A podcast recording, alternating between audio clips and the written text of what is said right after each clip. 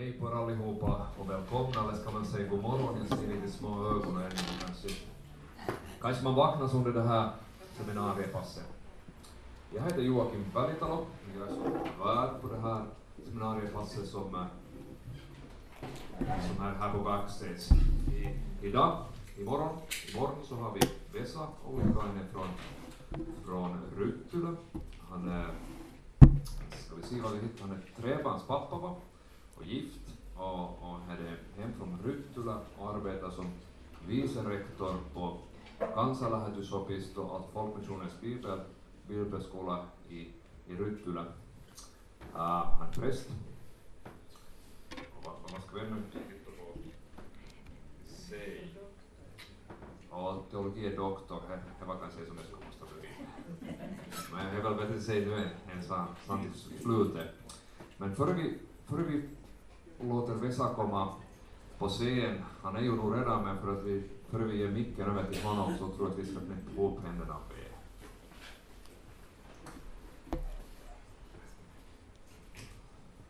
Tack Jesus för att vi får komma inför dig imorgon.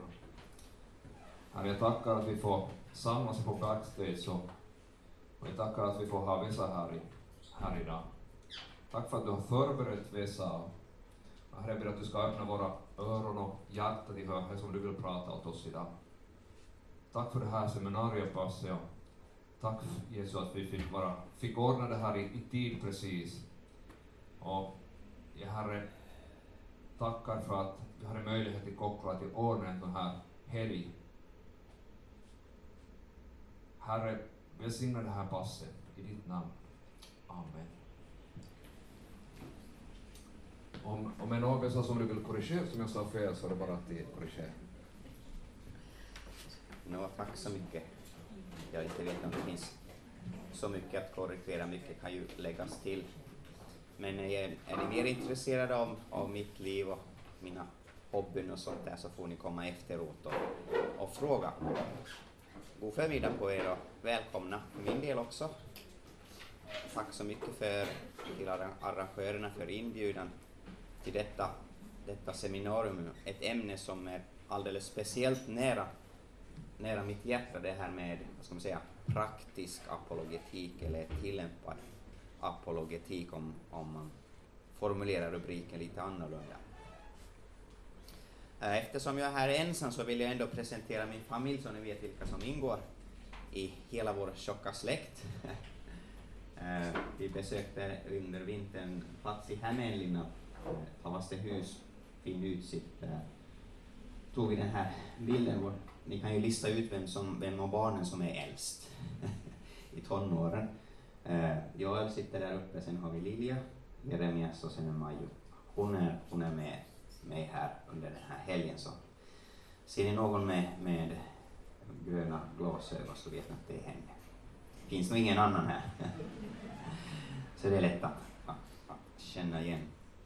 Ehm, ja, det nämndes ju att, att jag arbetar där på, på, på Ryttule. Ehm, även om titeln vice rektor låter sådär lite pretentiös så, så är min huvudsyssla eh, att vara ansvarig för, för en av våra studielinjer. Vi har flera sådana här långa studielinjer ehm, där man kan vara ett halvår eller ett år, kanske till och med ett och ett halvt år, lite beroende på eget intresse.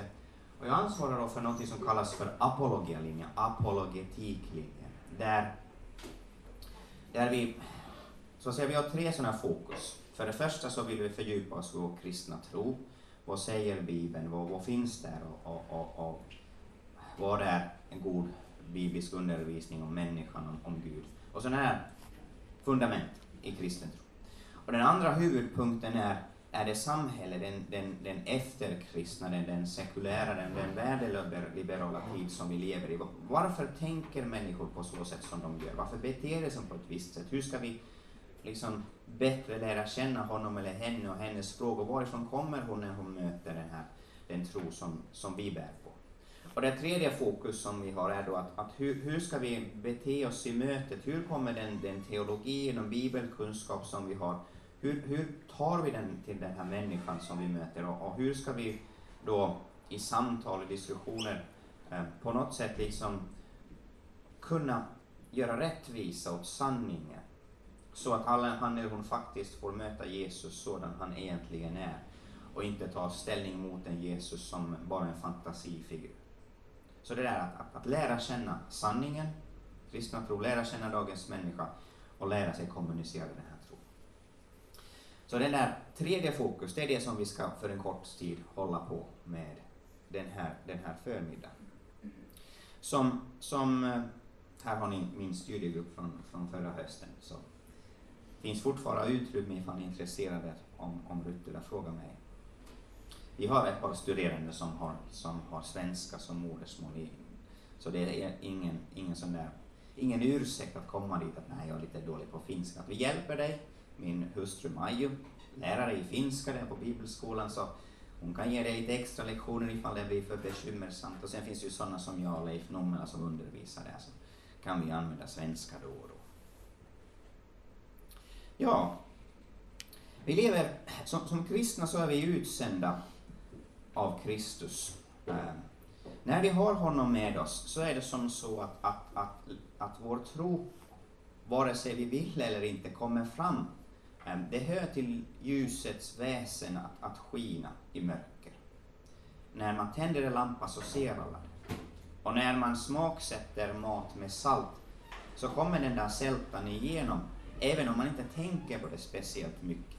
Det betyder att, att, när du tar din kristna tro på allvar, när du lär känna Jesus, när du läser skriften och när du börjar leva ut det, i tankar, i ord, i, inom familj, på arbetsplats, och även du tänker så där så mycket igenom det, så, så kommer det igenom på olika sätt. Folk märker att du har en annorlunda färg. Och det får dem att reagera på olika sätt. En del blir konfunderade, någon kan bli arg, en del blir intresserade och nyfikna och ställer frågor.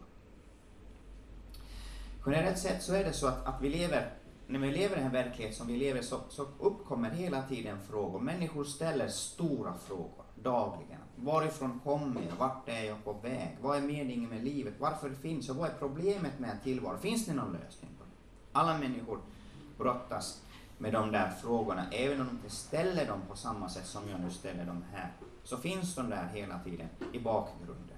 Och det betyder att det finns hela tiden ett behov av att hitta svar på de där frågorna också.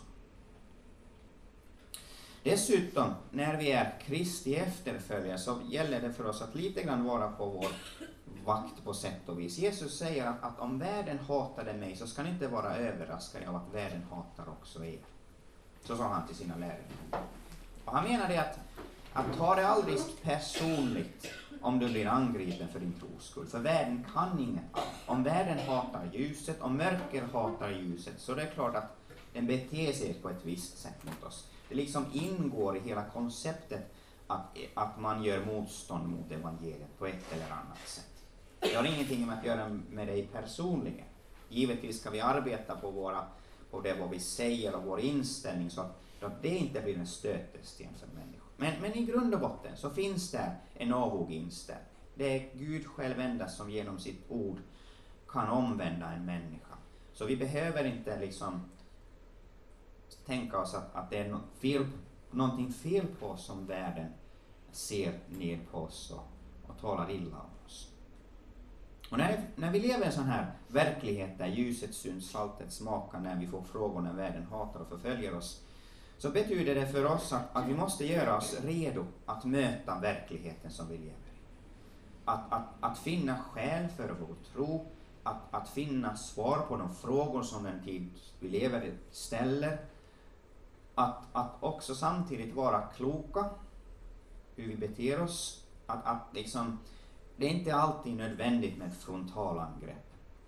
Och samtidigt finnas där en, en oskyldighet, man kunde också tala om om ett rent samvete. Att när, när vi lever, när vi möter människor som inte har kristen tro, när vi har samtal med dem, när vi arbetar för dem med någonting annat, så där efteråt så kan vi göra, kan vi göra ett räkenskap för Gud och säga att jag har gott samvete efter det. För om du tänker på den här andra, tredje punkten där världen hatar, så är det väldigt lätt att svara med samma mynt. Eller hur? Och det där att att vi gör räkenskap för hur vi beter oss inför Gud, det påminner om oss att, att tänka efter. Före och också efter. Att hålla samvetet rent. det är viktigt. Och för det tredje, eh, Kristus kallar oss att leva eh, ut eh, som, som tjänare. Att inte vara herrar, att inte liksom sätta oss över människor, att, att se ned på dem, att tala där ovanför nedåt, utan vara tjänare om det behövs också eh, ge av det vi har. I, I yttersta fallet kan det innebära att, att ge upp ens, ens liv. Och den där tjänande inställningen är någonting som Jesus ger oss som exempel och som manifesteras på korset men, men där vi ändå aldrig kan följa Jesus hela vägen ut eftersom han, det är endast han som kan dö för världens synder. Vi kan dö för vår nästa eller för någon fiende, men dö för världens synder, så långt kan vi inte tjäna. Där är Jesus unik. Men som ett exempel så finns han där. Nå, hur ska vi då kunna hela tiden vara redo? Hur ska vi kunna arbeta för att försvara den kristna tron? Hur ska vi kunna göra apologetik? Det finns två grundsätt det första är att du skaffar dig kunskap. Skaffa dig kunskap. Till exempel, fokusera på en klassisk fråga. Det finns många sådana frågor som är tidlösa, som hela tiden är aktuella. Lidandets problem kommer människan aldrig ifrån, oavsett kultur, oavsett tid, oavsett kön. Frågan om Guds existens finns hela tiden med där. Och vem Jesus är, hans uppståndelse, det är alltid det är en central fråga för oss. Ehm, vi kan givetvis ha samtal med någon människa om till exempel att nå, hur skapade Gud världen på sex dagar eller sex miljoner år eller vad betyder det? Och det är ju intressant i sig och det finns det är en viktig fråga det där med relationen mellan tro och vetenskap. Men, men även om vi skulle hitta rätt svar på den där frågan så är det inte rätt tolkning av första kapitlet i Bibeln som frälser dig, utan tro på Kristus. Så därför måste vi hela tiden försöka på något sätt komma till centrum. Det är det som är det viktiga. Så det finns mycket litteratur om dessa klassiska frågor som man kan fördjupa sig i. De, de möter vi på ett eller annat sätt den tid vi lever i. Vi gör det genom böcker, vi gör det genom att gå på kurser, den här sortens seminarium. Vi kan komma till Ryttila och studera ett halvår eller ett år eller utomlands på olika sätt. Skaffa dig kunskap. Så, så på så sätt eh, tränar du dig i att svara på de frågor som kommer upp. Du gör dig beredd att möta den verklighet. Det är ju egentligen ingenting eh, speciellt med den där att, att skaffa dig kunskap. Mycket av undervisning som man får går ju ut på att förbereda oss för någonting som komma skall. Om ni åker iväg, låt oss säga att ni, ni ska flyga till Helsingfors härifrån.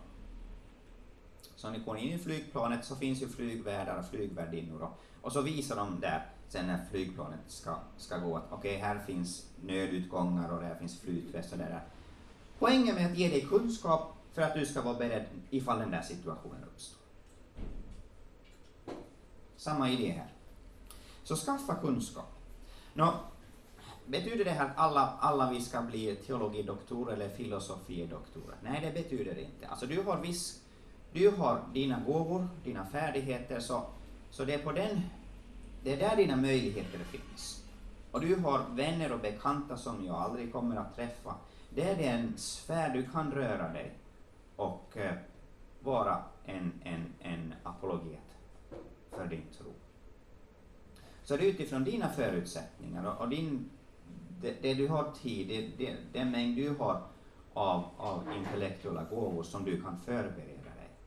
Och jag är ganska så säker på att Gud i fortsättningen, när du förbereder, låter dig möta sådana människor som du är förmögen att kommunicera med och att möta. Men det är ju alltid massa, massa olika sakfrågor och kunskapsområden som finns. här. Det finns ingen möjlighet att, att bemästra allihopa. Så det andra, andra sättet att förbereda sig på är att skaffa sig färdigheter, praktiska färdigheter. Att lära dig att svara och samtala oavsett vilka frågor det är. Att lära dig att möta den här medmänniskan som en medmänniska poängen med de här färdigheterna är att även om det finns områden som du aldrig kan läsa dig in på, så finns det många saker som du kan säga och fråga i ett samtal. Du kan liksom, även om du inte kan någonting om själva området, så kan du bete dig på ett visst sätt så att du hjälper den där människan att, att se på den där saken vid ett annat ljus och kanske, kanske inse någonting utanför den där sakområden som, som är till hemma i det här med att hur man kommunicerar, hur färdigheter, hur bemöter en människa. Någonting som är väldigt praktiskt, inte enbart i, i, i, i, i, i en område som kallas för apologetik, utan det här har att göra med att, att vi är som vanliga medmänniskor i alla vardagliga situationer. Om ni tänker att en, en, en familj så ingår det att bete sig på ett visst sätt. Man lär sig det. Um, I en församling eller om man går samlas i en bibelstudiegrupp eller någonting annat, så finns det liksom så vissa så att säga regler på hur, hur, hur ska vi bete oss när vi kommer samman. Redan när vi är här, det är ingen som står upp och hoppar upp och ner och skriker. Vi vet alla att det är dåligt beteende, det, det, det stör helt enkelt. Det hör liksom till så att säga beteendereglerna i den här samma, sammanhanget. På samma sätt så kan man tänka kring det här med färdigheter i att, att, att samtala om kristen tro och kunna stå upp för det i vardagen. Så vad jag siktar på här är att, att ge dig lite tips, lite färdigheter att just i din vardag, i ditt liv, i den situation du befinner dig, lite mer färdigheter att, att när du möter ifrågasättande av, av din tro, av, av, av kristna värderingar av Jesus, eller någonting annat som har med kristen tro att göra, att du har lite, lite mer, att du har en, lite verktyg som du kan använda dig av i den situationen. Ehm, låt oss börja med någonting som hör ihop med vår, vår, vår inställning. Ehm, alltså, när vi går in i vilket samtal som helst så är det viktigt att, att vi reflekterar över oss själva. Hur kommer vi in i den där situationen? Ehm, jag brukar säga till mina studerande där i Ryttila att, att, att oavsett vad för slags samtal du har, i kaffebordet eller i matsalen i skolan eller, eller, eller äkta man, äkta, äkta hustru när de går och lägger sig på kvällen, så, så är din inställning av jättestor betydelse. Ehm, vill du hellre vinna debatten eller vill du hellre vinna medmänniskor? Ehm, poängen här är att att vi ibland är så att säga överivriga. Vi vill säga det där sista ordet. Och vi tror att allting är beroende av att vi får, ha, vi får sagt tillräckligt, vi får säga det där sista ordet och på så sätt kan den andra liksom övertygas. Men ibland kan det vara väldigt vist att faktiskt ge någon annan tillfälle att se det, säga det sista ordet. Att, att tänka som så att, att sanningen i sig är kapabel nog att övertyga en annan ja, det finns en, en, en generositet i det där samtalet. För det är väldigt lätt hänt att, att, att, att eh, alltså det här, det här rådet liksom, det, det, om, om, du går på äktenskapsrådgivning, går på äktenskapsläger, så är nu ett av de här grundråden där att försök, in, försök att ge upp att alltid ha rätt.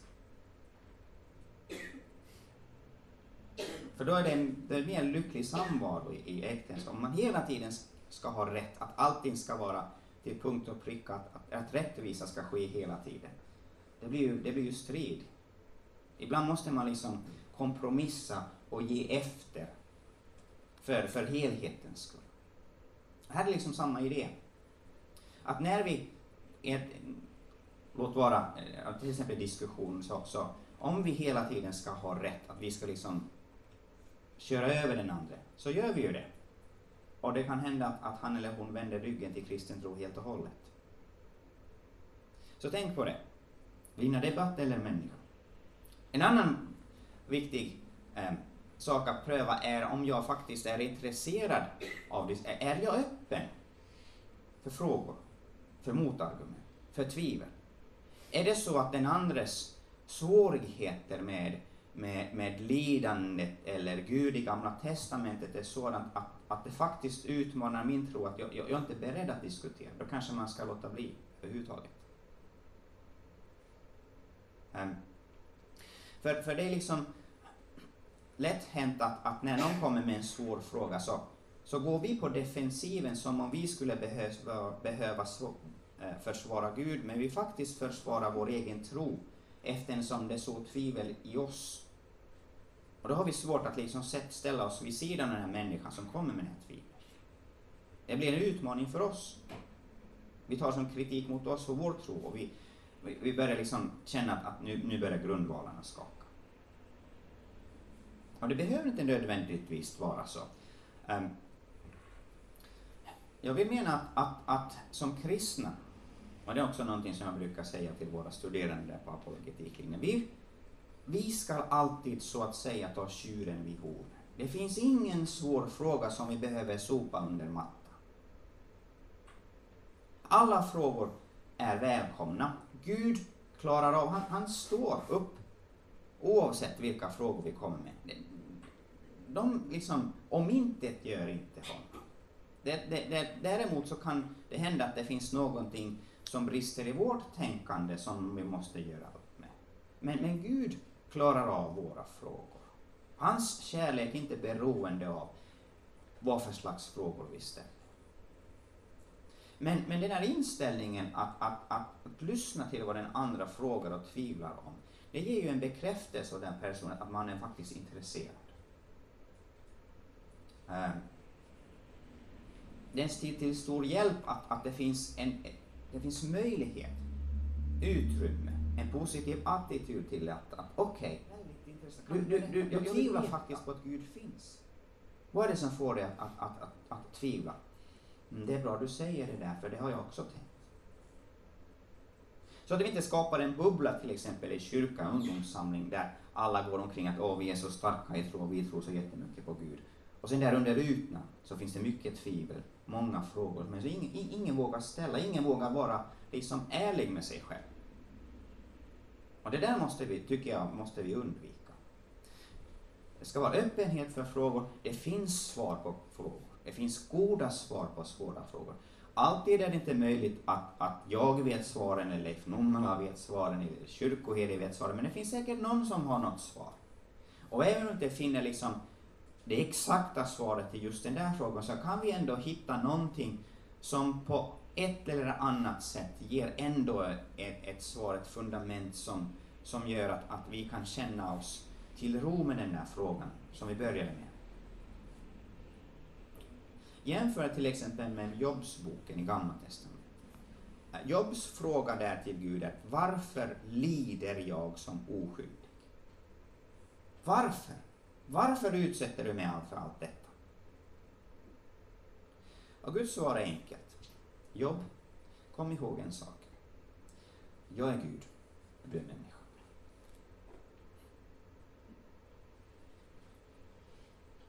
Det är Guds svar. Alltså, jag vet vad jag gör. Du vet inte vad jag gör, men du vet att jag vet vad jag gör. Det där borde du nöja dig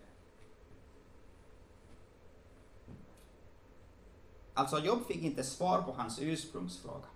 Men det som Gud sade till Jobb var sånt som Gud i sin vishet visste att är tillräckligt för Jobb.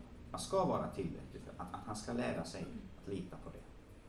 Det finns mycket annat än den boken, men vi går inte på det. Men det är bara ett exempel redan från Bibeln, just på den här samma sorts inställning.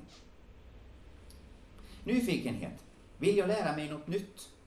Är det så att nu bemästrar jag allting, nu, nu, nu vill jag inte att någon rubbar mina cirklar. Eller finns det intresse att, att okej, okay, det som människan ställer, det som människan frågar kan ge mig möjlighet att lära mig någonting om min tro som jag aldrig har lärt mig tidigare. Det där är en fascinerande inlärningsprocess. Ehm, jag satt för, förra söndagen och lyssnade på en predikan som jag hade lite svårigheter med. Jag vet att det finns en liten, lite väl mycket sån där kritisk inställning, mitt mindre det kanske hör ihop med min, min, min, min forskarsida, vem vet. Men, men det, som, det som sker i en sån här situation när man lyssnar sådär lite kritiskt på någon som undervisar så, så blir den där situationen en, en, en möjlighet för mig att lära mig någonting. Um, för i den här predikan sades till exempel så, så att, att, att vi har att välja mellan att bygga kyrka eller att ge pengarna åt fattiga. Nå okej, okay. ibland kan det vara så.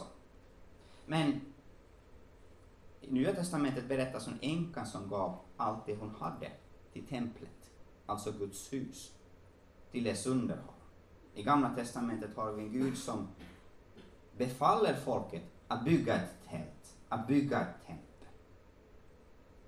Och så fort det var möjligt i det romerska riket så byggde de kristna faktiskt kyrkor. De nöjdes inte att samlas i hem. Och så börjar tankarna gå i en riktning, okej, okay, varför byggde de då kyrkor? Mm, okej, okay, om de samlas i hem så är det möjligt att den som äger det där hemmet börjar diktera hur församlingen ska undervisa, vem som ska vara präst där och, och så blir det liksom spel. Men en byggnad utanför hemmet förändrar ju den dynamiken helt. Och sen om den som äger det där huset där församlingen samlas dör, vad händer då?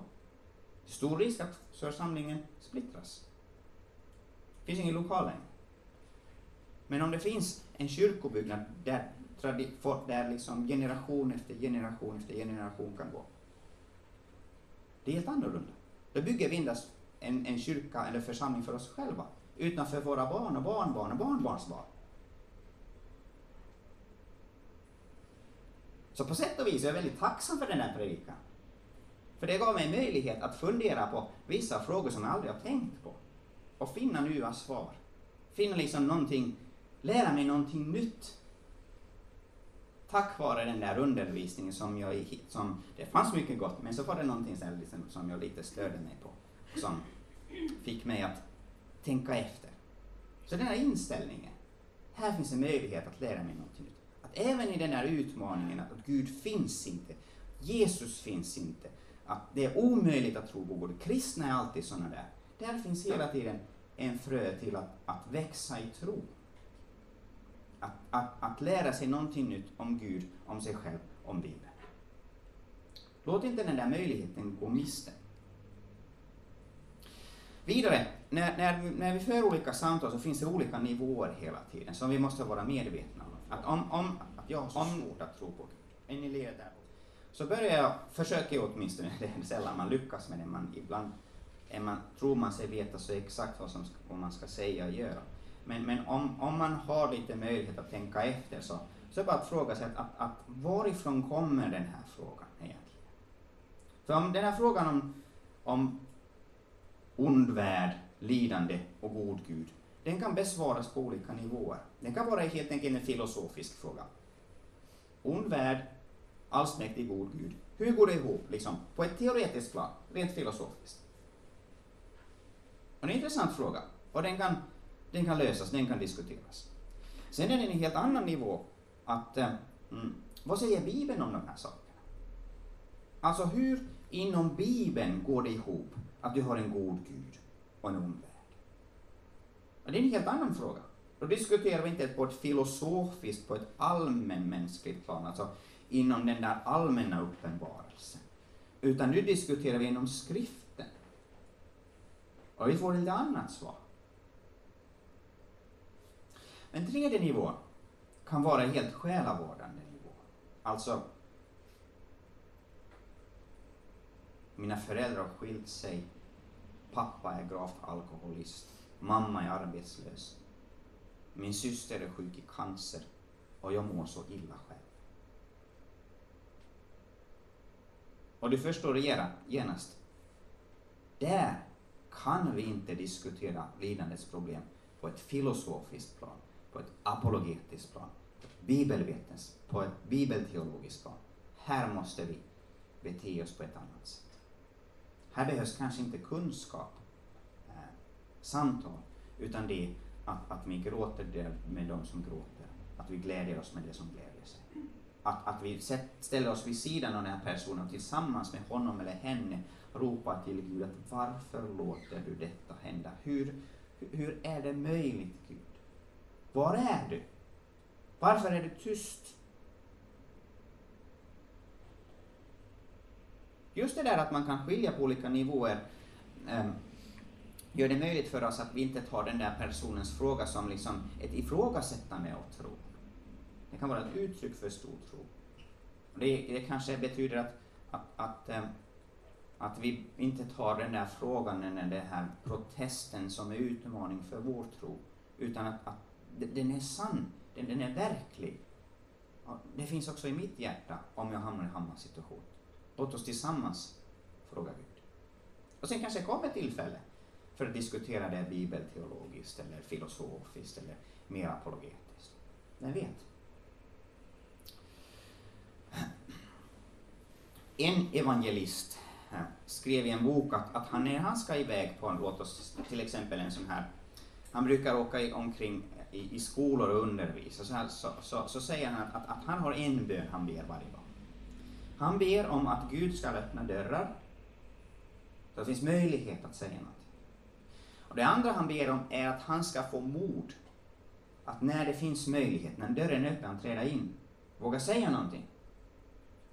Och den tredje bönen är att, att när den här möjligheten finns och när han vågar, så vågar han säga det som sägas skall. Varken mer eller mindre.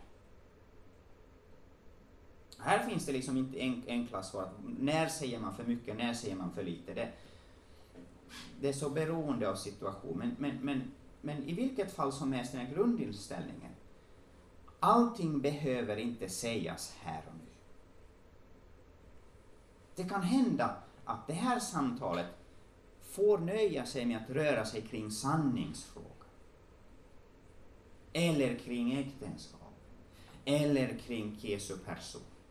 Varje samtal behöver inte nödvändigtvis leda till att nu måste jag leda personen till korset. Nu måste jag förkunna evangeliet. Nu måste han eller hon få höra hela evangeliet och hinna avgöra sig.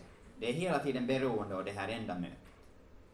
Ibland kan det vara så, men oftast är det inte.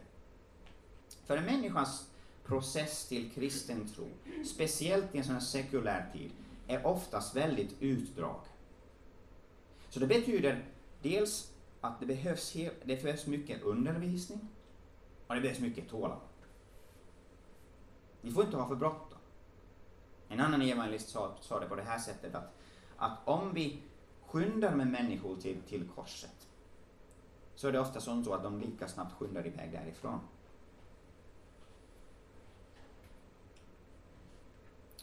Så, våga säga någonting, varken mer eller mindre. Oftast är det bra att, att, att säga sina saker med en nypa salt, men ibland finns det utrymme för, för polemiserande ord. Det som jag säger här har speciellt att göra nu just den här vardagsmöten. Men sen om ni hamnar i till exempel så en offentlig debatt, låt oss säga att här skulle vara 50% kristna, 50% icke-kristna. Här finns Humanistförbundets ordförande, så sitter du här. Så, så, kan du, så, så ska du inte tillämpa speciellt mycket av det som jag säger här, för det är en helt annan dynamik i en sån situation. Givetvis kan du använda en del av det som sägs, men du förstår att, att då är det på ett annat plan. Då är du inte så att säga ute efter att övertyga din opponent, utan då, då, då är du ute efter att visa för alla åhörare kritiken. Och de som sitter där och följer samtalet, det är viktiga vad de tänker om det här, inte den som samtalar med dig. Är det i sig viktigt, men det är, det är de där åhörarna som följer det. Att är den här kristne faktiskt övertygad? Har han eller hon skäl för sin tro? Har han eller hon en attityd att hon vill lyssna, hon vågar svara, vågar stå för sin tro och visar att det faktiskt finns svagheter i andras icke-kristna inställning. Och även om inte samtalspartnern aldrig skulle bli övertygad så ser ju publiken. Ni som var på debatten med Stefan Gustafsson märkte säkerligen någonting av den här dynamiken i ett offentligt samtal. Okej. Okay. Um. Ytterligare en sak om inställning. Det har inte bara med att göra vad vi säger utan hur vi handlar, kroppsspråk.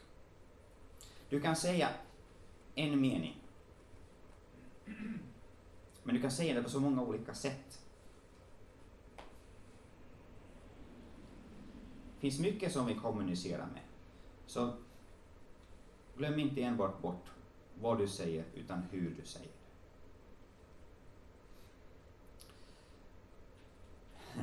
Man följer sina, sina egna barn när de växer och har sina duster så, så, det är, all, så, så är det ofta som de börjar bråka just när, när de hamnar i slagsmål. Vår yngsta sexåriga Lilja med 14-åriga storebror. Så blir Lilja riktigt arg på honom och så frågar man vad hände? så säger hon att, att, att, att, att Joel retade mig eller gjorde si eller så. Och Joels svar ofta är att men jag sa ju bara. Jag sa ju bara. Och så säger han den här meningen, som i sig är ju väldigt oskyldig. Men om, om du skulle vara där på plats, om du råkar höra, om du råkar se, så är det inte bara att han säger någonting, utan det finns ju hela den här kroppsspråk och allt det där, som Lilja läser, och så blir hon så arg. Det finns ett överraskningsmoment i alla samtal som vi ska vara medvetna om. När vi liksom innan samtal så är det ord som finns där, men, men, men det finns möjlighet att, så att säga, tänka utanför lådan. Dels så har du ditt personliga vittnesbörd, speciellt i en postmodern tid så är folk öppna att lyssna till vad du säger om hur du har upplevt din kristna tro, hur det här känns för dig. Samtidigt så var medveten om att de rätt relativiserar det, att, att, att, att nu det, är din, det är din erfarenhet, min erfarenhet är din. Så där måste du tänka efter att hur bygger du från din erfarenhet den här objektiva verkligheten att det inte bara hur du upplever Gud utan hur den faktiskt är. Det är inte bara det att det känns gott att tro på Kristus utan faktiskt har uppstått. Din personliga vittnesbörd måste vara en bro till den verkligheten där detta har hänt och där man kan ställning för eller emot oavsett vad man tycker eller tänker hur det känns. Men det finns där, ditt vittnesbörd, personliga erfarenhet. Och det andra överraskningsmomentet är det att, att man kan alltid be har man inte mycket att säga så kan man fråga, får jag be för dig? Får jag be för den här saken? Men gör det inte för enkelt för dig att det alltid är det enda. Var beredd att samtala, att ställa frågor, att diskutera. Men också att be. För människan är det så att vi måste bemöta honom eller henne som en helhet. Hon är både hjärta och hjärna. Och det som händer på utsidan kan vara någonting och det som händer på insidan är någonting helt annat. Så låt inte det som du ser vilseleda dig eller få dig att, att förtvivla. Det är mycket möjligt. Det finns många exempel på det, där människor har haft väldigt hårda samtal om kristen tro, så när kristen gått iväg för förtvivlad, att jag misslyckades med allting, kunde inte säga någonting, jag övertygade ingenting. Och den andra går iväg och tänker så här, hmm, det där var väldigt kloka saker som han eller hon sa. Han kommer faktiskt i tro, slutligen. Det är ingenting man ser på utan nödvändigtvis. För om du har en människa till exempel som, som lever hela tiden för sig själv, en hedonistisk tillvaro, som förnekar Guds existens. Så det där att, att, att, att inse att den här absoluta grunden i hela min tillvaro har varit helt felaktig det är faktiskt en, en, en, det är liksom, det är en jordbävning. Det krävs oerhört stor, eh, oerhört stort mod att våga säga det. Det är inte enkelt att medge att jag har haft fel hela mitt liv. Så, så av den anledningen också så måste man ge utrymme. Och inte fokusera på man, vad man bara ser och hör insidan kan hända mycket. Nå, huvudutgångspunkt överhuvudtaget i de här färdigheterna tycker jag är att man ska lära sig ställa frågor.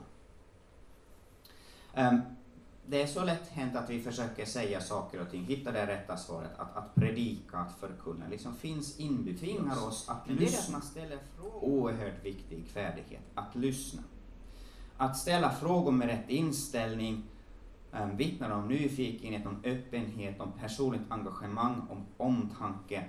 Det förutsätter sällan förkunskaper, det, det tvingar oss inte i den positionen att vi måste vinna det där samtalet, vi måste vittna om Kristus, utan bara lyssnar på den andra. Är intresserad, vill höra, låter den andra tala och ställer sådana frågor där du leder samtalet in i vissa spår. Och på det sättet hjälper honom eller henne processera det, det han eller hon tänker. Det är ju så här psykoterapi fungerar. Att du, att, att du har, låt oss säga att, att du, du tampas med, med, med, med deprimering eller någonting annat, så går du till en psykoterapeut. Det går ut på att han eller hon ställer dig olika frågor hjälper dig att se på saker från olika perspektiv och finna någonting inom dig själv som du aldrig har tänkt på tidigare. Kanske kommentera på något sätt kan också vara möjligt, men huvudsakligen genom att ställa frågor och, och sända sådana kommentarer som får dig att tänka efter och, och, och, och finna nytt. Samma idé här. Ställ frågor. Väldigt enkelt, väldigt gemytligt sett om det är inbakat med rätt inställning. Det finns två klargörande, två, eller vad ska jag säga, nu gick jag för snabbt fram.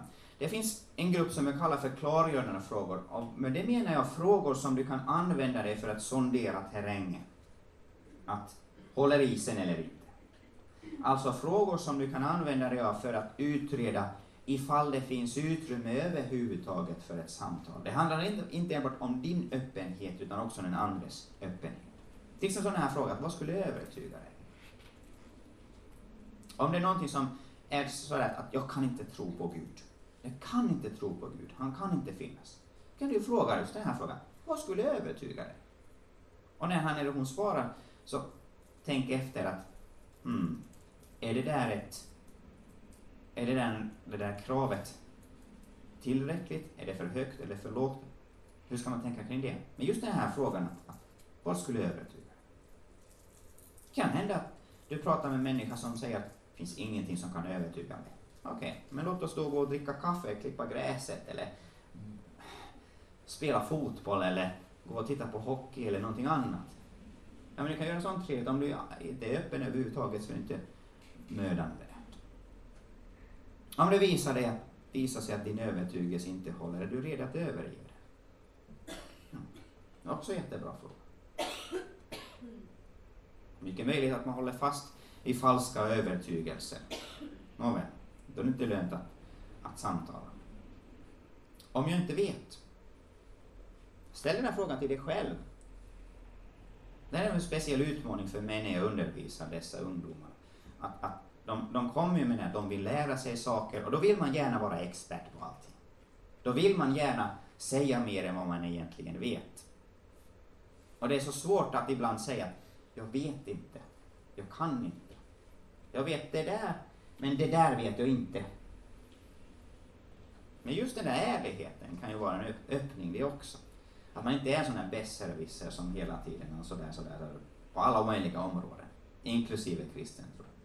Kanske känner sådana människor som alltid har svar på alla frågor, som vet allting om precis alla saker. Det kan vara lite enerverande att, att vara tillsammans med en sån person och, och samtala, för det finns inget utrymme för att, för att inte veta, tillsammans utforska. Är du tolerant? Jättebra fråga, speciellt när du känner att, att, att okej, okay, nu, nu, nu börjar det liksom bli lite mer spänning här i luften, att, att nu, nu ställs det en sån här fråga eller sägs det någonting som du vet att det här kan explodera. Speciellt i sexualetiska frågor. Då kan man fråga, att, att jag känner mig lite obekväm att, att överhuvudtaget att, att, att, att, ähm, att folk avfärdas som, som människor bara för att de tänker lite annorlunda. Så jag, Tycker du att du är tolerant i de här frågorna? Det är klart att alla är toleranta. och med den här skapa, frågan så skapar du bara utrymme för dig själv att faktiskt säga vad du tänker och vara oenig. Och den andra har bundit sina händer genom att säga, jag visst är jag tolerant, jag visst är jag öppen, jag visst vill lyssna. Observera att de här frågorna kan ju formuleras på alla olika möjliga sätt. Nu försöker jag bara liksom ge den där tanken, den där idén bakom dessa frågor. Sen sista klargörande frågan. Vilken betydelse har detta för det faktum att vi erhåller frälsning endast i och genom Jesus Kristus? Alltså idén med den här frågan, eller någon liknande, är den att, att det finns många viktiga frågor, men, men i förhållande till vår frälsning som är endast sekundära. De är liksom där på ytterkanten och vi måste in till centrum. Um, så till exempel förhållandet mellan tro och vetande är sånt som väldigt mycket diskuteras, som många människor är intresserade och som de tar en förevändning att avvisa den som Jesus är. Och det kan vara en hjälp till dem att inse att, att okej, okay, det där är en intressant fråga, den kan vi samtala, men det faktum att Jesus påstår sig vara Gud och han dog och uppstod, graven är tom, det är liksom, det är en annan fråga och den är mycket mer betydelsefull. Låt oss diskutera den först. Och sen kan vi gå in på de andra frågorna. Så att vi liksom har med medvetande när mot rörelsen mot sen. Det är nämligen så att ofta så ställer människor, kommer de med påståenden eller invändningar som, som har till syfte att hålla borta den där Jesus. Att man tar någonting annat som ett skäl att avvisa honom. Och då måste vi liksom hjälpa honom med att gå undan den där muren och tillbaka till huvudfrågan. Ja. Så, den här sortens klargörande frågor finns. Det finns alla möjliga, också andra säkerligen. Jag förmodar att många av er har riktigt goda egna knep för den här sortens situationer. Men här är sånt som jag har lärt mig i, i praktiken och, och genom litteratur. Sen så vill jag ge er två enkla frågor som du alltid kan använda. Det är grundfrågor som är till hjälp till alla möjliga samtal eh, som, som lekmän använder, som pastorer använder i själavårdande samtal, som, som forskare använder när de skriver doktorsavhandlingar.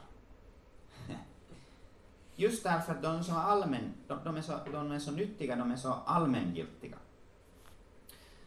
Den första frågan är en förtydligande fråga. Vad menar du med det? Eller någonting i den stilen. Um, ibland när vi har haft lite kämpigt i vårt äktenskap, jag och Majo, så vi, liksom, den här emotionella distansen växer. Så kommer alltid någonting som, som händer som får oss att, att, att liksom kivas. Och ibland så har hon sagt i de där situationerna att Vesa, du älskar mig inte. Nå, är du rationell människa, man, som jag, så reagerar du med ryggmärgen. Visst älskar jag dig. Nå, där blev hon övertygad. Men ibland har jag lyckats att, att, att hålla mig och fråga mig att, att, vad menar du? Vad menar du? Och sen berättar hon att, att, att, att det är så länge sedan vi hade ett intimt samtal. Det, hela tiden så håller vi på med vardag, vardagssysslor och, all den tid går åt barnen och arbete och, och allt möjligt. Och vi, vi hinner aldrig mötas och, och, och, och, vi är båda trötta och liksom sådär. Vad det nu kan vara. Och liksom, när hon berättar så får hon själv säga vad hon egentligen menar. Jag tror mig inte veta vad hon menar, hon får själv berätta det. Och oftast är det så att, att hon inte ens själv vet vad hon menar. Och just det, ger henne en möjlighet att säga det, så kommer fram den där egentliga saken. Och då kan vi verkligen mötas, för då är hon ärlig med sig själv. Och jag försöker ärligt lyssna, och två hjärtan möts. Så vitsen med den här frågan är att, att, att hjälpa mig och hjälpa den andra att förstå vad vi egentligen samtalar Och undvika den där fällan att hon tror sig veta vad vi samtalar om och jag tror mig veta vad vi samtalar om. Och så talar vi förbi varandra. Och så blir det kortslut. Och den här situationen uppstår inte i äktenskap utan också i världsåskådningsmässiga och trosfrågor. Det finns många laddade ord som används i dagens samtal i, i, i, i tidningar, i media. Fundamentalist, tolerans, bokstavlig bibeltolkning. Och just, det där, just den här definitionen av de här uttrycken är jättebetydelsefull för hur man använder dem och hur, hur, hur de sen påverkar samtal. Så just att man frågar, att, att nu använder du sådant laddat, ett pejorativt ord. Vad menar du med det egentligen? Kan, kan liksom ta bort den där känslostormen, den där, den där anstöten, kan kan öppna för ett gediget och gott samtal. Hmm, jag har aldrig faktiskt tänkt över vad som händer. Varför jag använder det där ordet? Liksom, alla säger ju det. Men varför använder du det ordet? Det vet jag inte. Alltså poängen med det alltså en, en, en, en nytta av den här, det här enkla, enkla frågan, vad menar du med det? Är det att ibland behöver du inte säga någonting att det är så och så. Den här enkla frågan är den där nålen som får ballongen att brista. Det finns inget innehåll egentligen. Och det att du klarar av det med en fråga som får människan själv att tänka till, är ibland så oerhört mycket effektivare än när du säger det själv.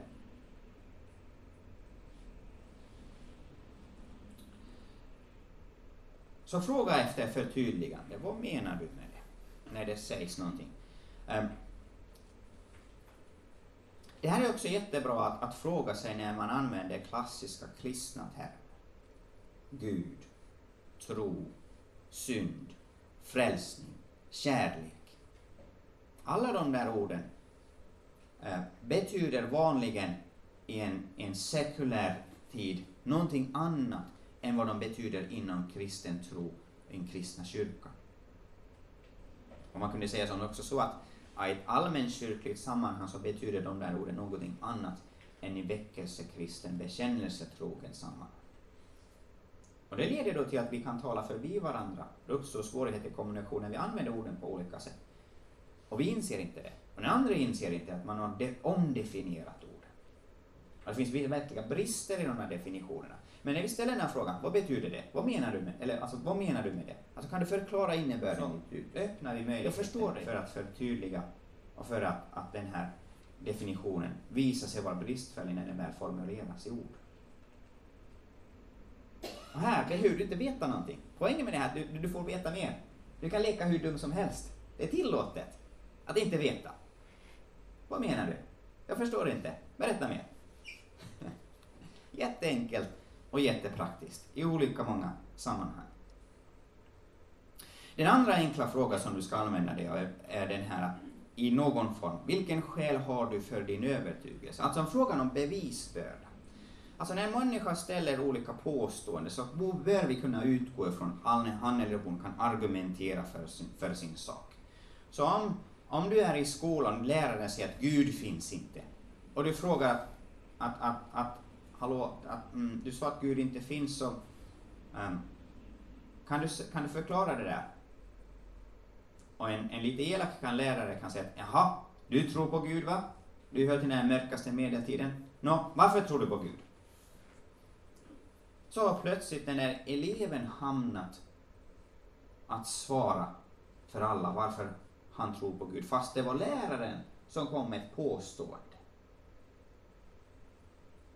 Och just i en sån här en, en, en, en efterkristen tid, en, en tid som, som inte känner till kristen tro, som tror sig veta det, någonting om kristen tro, men oftast vet det helt åt skogen, som, som är kritisk och nästan fientlig inställning, inställd till kristen tro, så kommer hela tiden med den här, den här, det här antagandet att nu måste de kristna hela tiden ge skäl för sin tro. Nu måste du svara på alla invändningar som kommer med, och har du klarat av den här en miljon och en så kommer jag med en miljon och två. Och när du har klarat av den så börjar jag från början. Och så håller det på hela tiden. Men om du säger att Gud inte finns så måste du kunna säga varför han inte finns. Vad har du för skäl? Det är ju ditt påstående. Så den här frågan hjälper oss som kristna att liksom påminna om, okej okay, det var du som faktiskt påstod någonting. Har du skäl för det? Vilka argument finns det? Att inte bevisbördan är lagd på oss hela tiden. De här två enkla frågorna är, är jättepraktiska. Vad menar du med det och vilka skäl har du för den övertygelsen? Du behöver alltså inte, det, det, det samtalet kan handla om, om, om existentiell filosofi, det kan handla om, om, om, om evolutionsteorin, det kan handla om om treenighetsläran, det kan handla om lidandets problem. Du behöver inte läsa in på ämnet överhuvudtaget. Med de här två frågorna så lär du dig jättemycket och hjälper du den som tror sig veta någonting om saken att lära sig någonting nytt. Och kanske är till hjälp, är nog till hjälp, att, att, att komma närmare Kristus. För ju mer människan läser om sanningen, desto mer lär man sig sen om han som är sanningen. Det för ju mot honom. Det stänger dörrar. Alltså apologetik, låt mig använda en bild av apologetik. Apologetik är som att hjälpa en människa promenera från ena ändan av en korridor till den andra ändan. Och nu med hjälp av påståenden, med hjälp av kunskap, med hjälp av frågor, så, så låser vi de dörrar som finns där hela vägen i den här korridoren, ända till slutet när bakom den sista dörren finns Kristus. Och en otroende människa som försöker komma ut ur den här korridoren, genom andra dörrar, Gud finns inte. Men Jesus var bara en vanlig människa. Att, att, att jag har så svårt att tro på Gud för han svarar inte på mina böner. Och vi måste låsa de där dörrarna, en efter en. Tills endast Kristus finns. Om man nu förkunnar evangeliet, en predikan till exempel, så kan jag du kan bara gå direkt till den sista dörren och öppna den. Men, men så fort vi tar människans frågor och livssituation på allvar, så kommer de andra dörrarna med i spelet. Och då måste de liksom på så att, säga, så att säga låsas, alltså vi måste visa att de där dörrarna går inte att komma ut genom. De är inget svar. Där finns ingen öppning. Och just det där att, att människan till exempel lär sig att det faktiskt finns en sanning om gott och ont, det kan vara i sig en jättestor insikt på väg mot att lära känna Kristus. Låt mig bara ge ett exempel på det här, det är inte från min egen erfarenhet, men det var en, en, en, en, en präst i en församling eh, där det kom en, en, en kvinna som hade arbetat som journalist på, jag tror det var Papua Nya Guinea. Och hon var liksom väldigt, så ska jag ska säga, liberal, alltså i etiska frågor, i trosfrågor, relativist.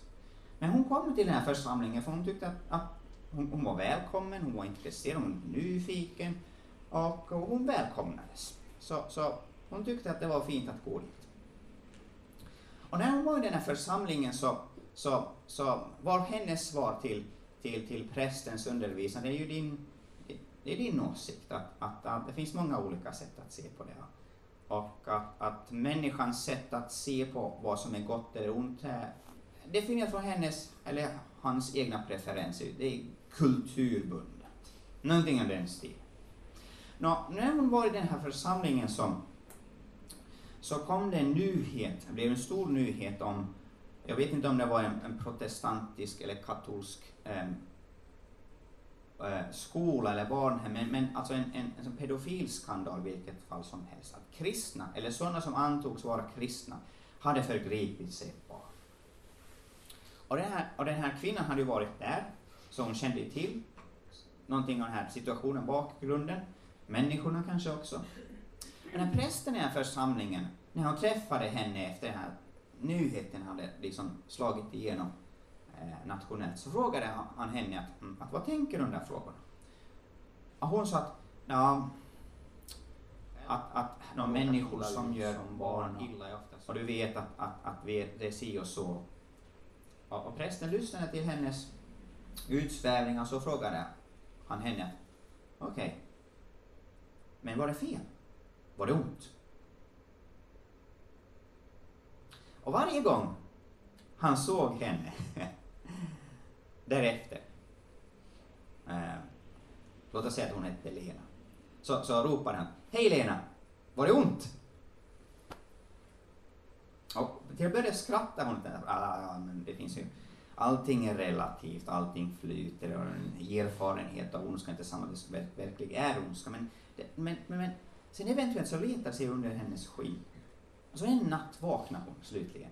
Och hon var genomsvettig och hon var helt liksom, utom sig och, och arg och, och ledsen. Och hon, hon, hon, hon liksom sa till sig själv att det där var ont, det där var fel, det där var hemskt. Alltså absolut bemär objektiv bemärkelse. Inte enbart hennes erfarenhet och känsla att usch, det där känns äckligt, utan det var fel. Och när hon insåg det så kom nästa insikt. Ondskan finns i henne.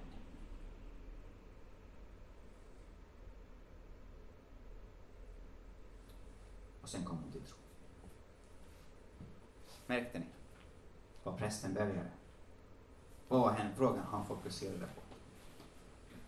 Mm. Säkerligen mycket annat som hände där, men i vilket fall som helst. Hon använde sig enkel fråga, pressade på definition och utgång, utgången var sådan det var. Um, en liten... Du ska säga två saker till och sen ska vi ha samtal och diskussion. Det finns mycket som kunde sägas men jag ska nöja mig med detta. Um, förutom frågor så är det saker som du kan hålla utkik efter. Uh, alltså, det är som så att när människor tänker i trosfrågorna och samtalar så är det saker och ting som kan brista. Att, att lära sig känna igen mönster kan hjälpa dig att finna någonting som kan fråga om eller säga någonting om. Fakta är någonting som du ska hålla utkik, utkik efter. När människor gör påståenden i trosfrågor så kan de säga saker och ting som helt enkelt inte, inte håller streck. De, de står inte för fakta. Att religion största orsaken till död och lidande, det håller inte streck. Att Hitler var kristen, det kan vi kontrollera med hjälp av, av, av litteratur. Eh, här behövs nog alltid kunskap eftersom som, eftersom för att kunna bemöta falska faktapåståenden så måste jag ha, ha riktiga fakta. Men det är ett sätt att bemöta det som folk säger, att lyfta fram eh, sådana saker som faktiskt håller streck. Folk säger att Jesus har aldrig funnits, han finns, för han finns, ju en, han finns inte i utombibliska dokument. Så kan man ju svara att det finns två ställen i den jordiska historien, Flavius Josefus bok om judarnas historia, där nämns Jesus. Den romerska historien Tacitus nämner Jesus. Det finns utombibliska källor. Enkla fakta som korrigerar det där påståendet.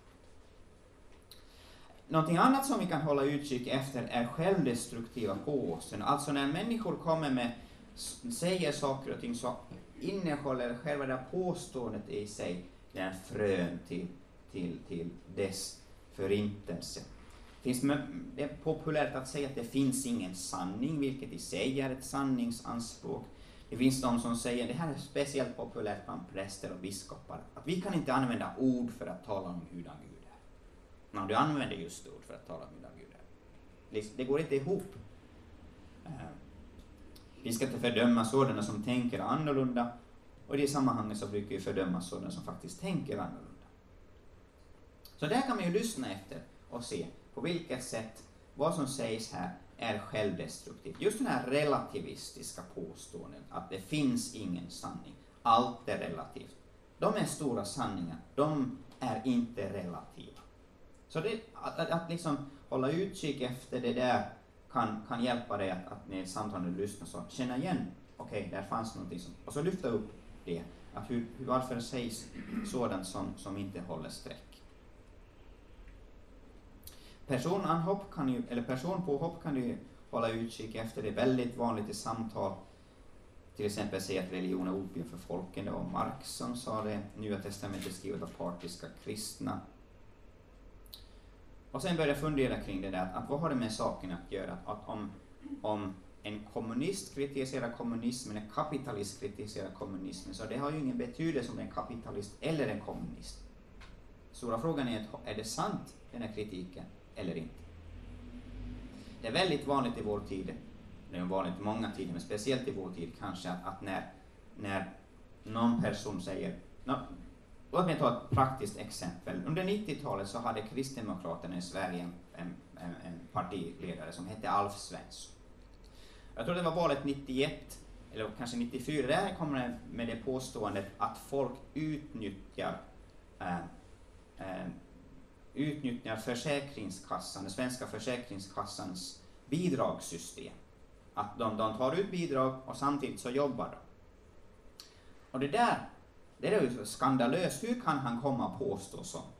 Alltså Socialdemokraterna som är makten var emot honom, media var emot honom, alla var emot honom. Hur, att, att det skäms att säga någonting sånt. Två år senare, statsministern, tror Göran Persson, säger samma sak. Så här är det. Det visar forskning, det visar Försäkringskassans rapporter. Och alla säger, mm, det där måste vi göra någonting åt.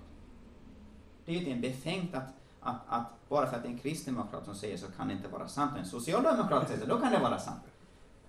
Men sanningen fanns där, det är det viktiga, att det kommer fram. Men, men det är liksom, det är lätt hänt att vi avför en annans åsikt genom att tillföra en viss grupp, att det är fundamentalister, väckelsekristna, liberala eller någonting sånt.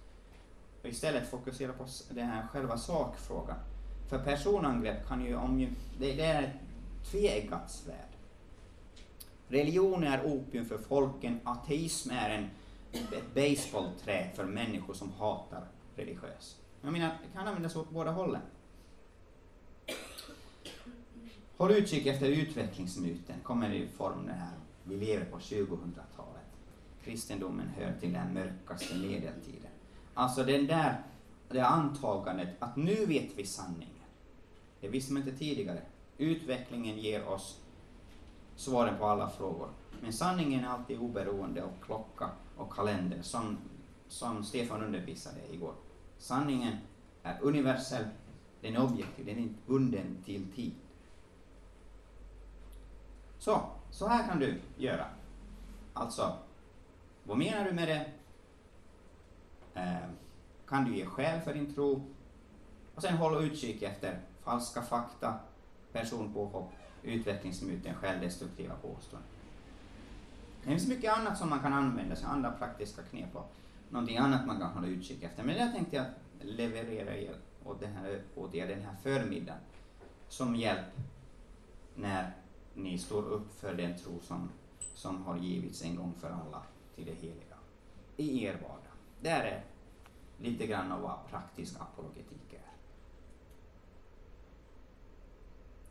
Så, nu blir det ett väldigt långt, en, en väldigt lång monolog för min del. Har ni frågor, kommentarer, egna erfarenheter? Vi har lite tid för det. Kan du visa föregående sida? Föregående sida. Okej.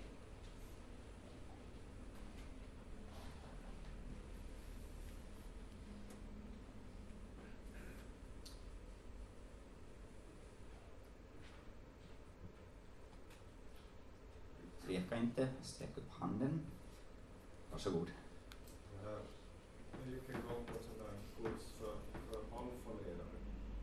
Det var, det var från Sverige som höll det här föredraget och han var känd kyrkomusiker. Han berättade ett exempel som har hjälpt mig många gånger. Att i en alfa-diskussionsgrupp så där är ju alla frågor tillåtna. Och Han hade ett, ett, ett personlig erfarenhet och hade då en grupp och så var det en, en kvinna då som var väldigt upprörd när vi skulle börja diskutera. Så frågade han liksom att vad, vad, vad är det, vad har du på ditt hjärta? Frågade hon, varför går alltid salmerna så högt? och det här, och som kyrkomusiker hade han inte förstås svaret på det, men så fick han liksom den visheten att inte säga någonting. Utan han frågade, vad tycker ni andra? Så fick allihopa säga om de tyckte att psalmerna går högt eller lågt. Och när alla har sagt det så var alla nöjda, så kunde ni gå vidare med nästa fråga. Ja. Just, fick den där saken undanstökad. Nu är det avklarat, nu kan ju fokusera på centrum.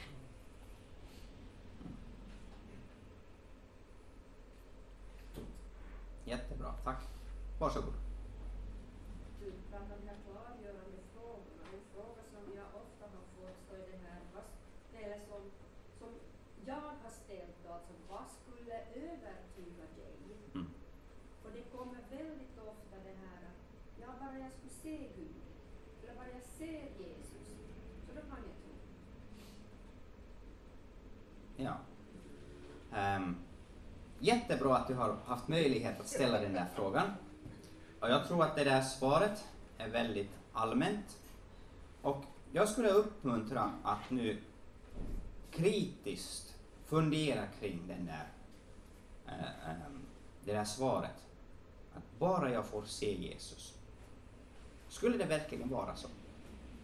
Alltså, om du känner din bibel och Nya Testamentet väl, så vet du det var många som såg Jesus, men inte trodde då. Och det var många som inte såg Jesus, som trodde. Det var faktiskt den lärjungen Thomas som tvivlade. Han, han var ju ute efter att han måste få se Jesus för att kunna tro på honom. Och det var ju viktigt för honom, han är ju en av de ögonvittnena, lärjungarna, apostlarna, han, han ska lida för sin tro. Så det var, det var viktigt att Jesus visade sig för honom. Men där i Johannes evangeliet så säger Jesus också till Thomas ungefär på det här sättet att saliga de som tror fastän de inte ser. Och poängen i det där ordet till Jesus är att, att alla generationer efter ögonvittnena har, har, har eh, samma, samma fakta vad gäller uppståndelse. Alltså ögonvittnesskildringarna, tomma graven, lärjungarnas livsvittnesbörd för den här sanningen i tjänande och lidande, kyrkans tillblivelse. Vi har alla samma så att säga evidens idag som för 500 år sedan, 1000 år sedan, 1500 år sedan.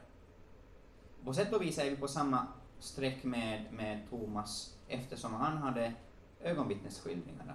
den tomma graven, det som har hänt med lärjungarna. Och det, skulle, det borde ha räckt för honom. Och det räcker för oss. Så det är någonting jag tycker att man kan också- fundera kring. Någonting som jag tycker att man ska fundera kritiskt kring. Jag är inte alls säker på det. Jag kan mycket väl tänka mig att, att, att man då också kan komma med en bortförklaring att Nå men, jag hade sovit så dåligt eller, eller ah, jag åt någonting som inte var bra. Att, att, att nå, jag var, den där den atmosfären på den här samlingen var så att den suggererade mig att, att, att, till- att, att inbilla mig någonting. Det var en inbildning. Eller, eller så, så kan man tänka sig så här att, att, att eh, ja, det var ju en intressant erfarenhet men nu går jag vidare. Eller så tolkar man på ett annat att, att det var en ängel. Oh, jag måste, att, att det viktigaste i livet är änglar. Alla har sina egna, egna änglar och nu måste vi lära oss samtal med dessa änglar och lära oss lite mer om de här änglarna. Så struntar man i Kristus och Bibelns Gud. För den här religiösa erfarenheten kan tolkas på många olika sätt. Och finns inte den bibliska referensramen att liksom visa hur man faktiskt ska förstå sådana där övernaturliga upplevelser, så är det som så att 90 gånger av 100 så springer man åt helt på alla möjliga håll, förutom den enda sanna. Så det där kravet, eller den där om jag bara får se, så jag är inte säker på att man skulle nöja sig med den, och jag är inte så säker på om det där kravet är helt och hållet befogat. Å andra sidan, när vi läser skriften så kommer ju Kristus till oss. Så på sätt och vis så får vi möta honom. Men, men låter vi det övertyga oss eller inte? Ja. Jättebra att du har haft möjlighet till sådana här, sådana där samtal. Hoppas du orkar hålla på med dem i fortsättningen också. Hjälpa människor att reflektera kring det här att hmm, ställer jag nu, skulle jag faktiskt nöja mig med det här eller inte? Varsågod. Jag har haft problem med att när man talar med någon så, så säger den där personen att ja, men vi har ju alla samma Gud. Jaha. Och det där, där, där blir jag ställd mot väggen liksom. Men igår så vaknade jag upp liksom och fick ett svar på det här att hur är det med de där indiska elefantgudarna och apgudarna och vad alla andra gudar det finns. Det är nog inte heller samma Gud. Så att jag, jag fick ett svar igår på det och, och det kan man då ta också in på alla andra, på islam och så vidare att, att Ja. vi ligger i, i, den, i den gruppen du. Vår, vi har vår egen unika Gud. Mm. När, du, när du säger det då som du har nyss sagt så, så har du tillämpat de där två frågorna som jag kom där med tidigare. Alltså, finns det skäl för det? Alltså om du säger att, att det är samma Gud, vad finns det för skäl för det där påståendet? Vad finns det för bevis? Hur kan du argumentera för den åsikten? Berätta för mig varför Gud är samma. Och sen den andra, vad, vad betyder det egentligen att Gud är samma? Vad menas med det uttrycket? Det är väldigt sådär Eh, otydligt sagt egentligen. Samma, på vilket sätt? Jag någon kan komma hit och säga att, att då är ju en, en, en, en samling samma människor där inne. På sätt och vis är vi ju likadana, men, men väldigt olika samtidigt. Så vad betyder det? Vad finns det skäl för det? De, med de där frågorna tror jag att man kunde komma väldigt långt i ett samtal med människor som påstår att alla religioner har samma Gud. Okej, vi tar sista frågan och sen, sen tror jag att vi kan avsluta. Jag tänkte tänker lite samma mera kanske lite det här som du sa, att oftast i diskussioner så kommer man kanske bra överens med personen i fråga och personen tycker att nej men det här är bra, det här, det här är nog bra och, och det här. Men att eh, vad som händer med personen som sen, att man, personen kanske tar vissa delar och tycker det här är bra, jag, jag omfattar det här, men att sen så känner man till att personen i fråga inte på ett sätt vi lever? På ett sätt enligt den här kristna tron och på vilket sätt? Man kan ju inte riktigt direkt säga att när du, du ska leva så här och så här. Och man, man omfattar vissa saker men, men kommer inte så jag tycker det, tycker det här allt är okej men, men, men egentligen så, så kanske inte riktigt No, um, det finns säkerligen många saker som man kan göra i en sån situation om man möter en människa som, så att säga, som till exempel säger att jag är kristen, men, men det där med att, att en man plus en kvinna tills, de skiljer, tills, tills döden skiljer dem åt, det där är liksom, ah, det hör inte till. Um, det behöver inte jag leva efter eller bry mig om. Um, så i en sån situation så kunde man ju till exempel mm, på något sätt försöka uh, fråga att, att, att du, du säger så här, att du liksom klipper bort det här. Och, och mig veterligen så är det någonting som Jesus undervisar eller Bibeln säger. Eller, alltså jag tycker det är väldigt viktigt och betydelsefullt. Så, så varför, tyck, varför kan du säga, återigen tillämpning av de här två frågorna, att, att ge den här människan liksom, möjlighet eller snällt utmana att motivera en ställningstagande, att lyssna till det där, sen kanske reflektera över det, att vad sägs där egentligen? För, för det kan hända att det finns, det finns säkerligen olika skäl till det, och det är viktigt att kunna möta de här olika skälen. Och sen, sen också lyssna till, till, för det finns ju möjlighet att, att en orsak till att människor klipper bort kristen etik är just det att det är så hård lag som vi inte kan leva efter. Och, och, och för många så är kristen tro endast etik. Och det blir ju väldigt kämpigt om det är enbart etik som krävs av dem. Vi måste ju höra evangeliet förr eller senare också som liksom ger förlåtelse mitt i den där, de där etiska bekymren. Um, I möjlighet att börja på nytt och så vidare. Så jag skulle liksom försöka med olika frågor försöka lyssna mig in på vad finns det för skäl där att tänka på det sättet. Och sen, sen försöka liksom hålla upp den här vänskapen, göra olika andra saker och ibland återkomma till den här frågan och, och kanske på något sätt kunna kommentera någonting. Att, att har du tänkt på den här saken från det här perspektivet? Och föra det samtalet vidare och så att säga liksom vänligt eh, utmana den här eh, tudelningen mellan kristen tro och kristet liv. Hörni, eh, tack så mycket för att ni har varit här. Eh, om det är någonting som ni inte har vågat fråga eller kommit på så här i efterhand så får ni gärna komma och prata med mig enskilt efter detta. Um, innan ni går iväg så har jag ett litet bokbord. Jag har skrivit ett antal böcker som jag har med mig. Fritt framför er att köpa det. 10 euro en styck, tre stycken för, för en 20. Ni får betala kontant eller också kan ni föra över pengar via bankkonto så får ni uppgifter för det eh, om mig ifall, ifall det är möjligt. Tyvärr så finns det enbart på finska men å andra sidan kan ni ta som utmaning att, att, att jätteroligt att jag aldrig förläst en bok på finska, nu ska jag ta den här möjligheten. Ehm, och eh, sen så skulle jag vilja helt kort be för oss alla. Sen avslutar vi. Tack Herre Jesus för att vi har tillsammans fått fundera kring hur vi ska kunna få stå upp vår tro i vardagen. Herre, vi ber att, att de redskap som vi har fått här kunde komma till nytta för oss alla. Hjälp oss att, att, att, att repeterat repetera, att, skaffa in kunskap, att skaffa oss färdigheter, att förbereda oss för sådana situationer.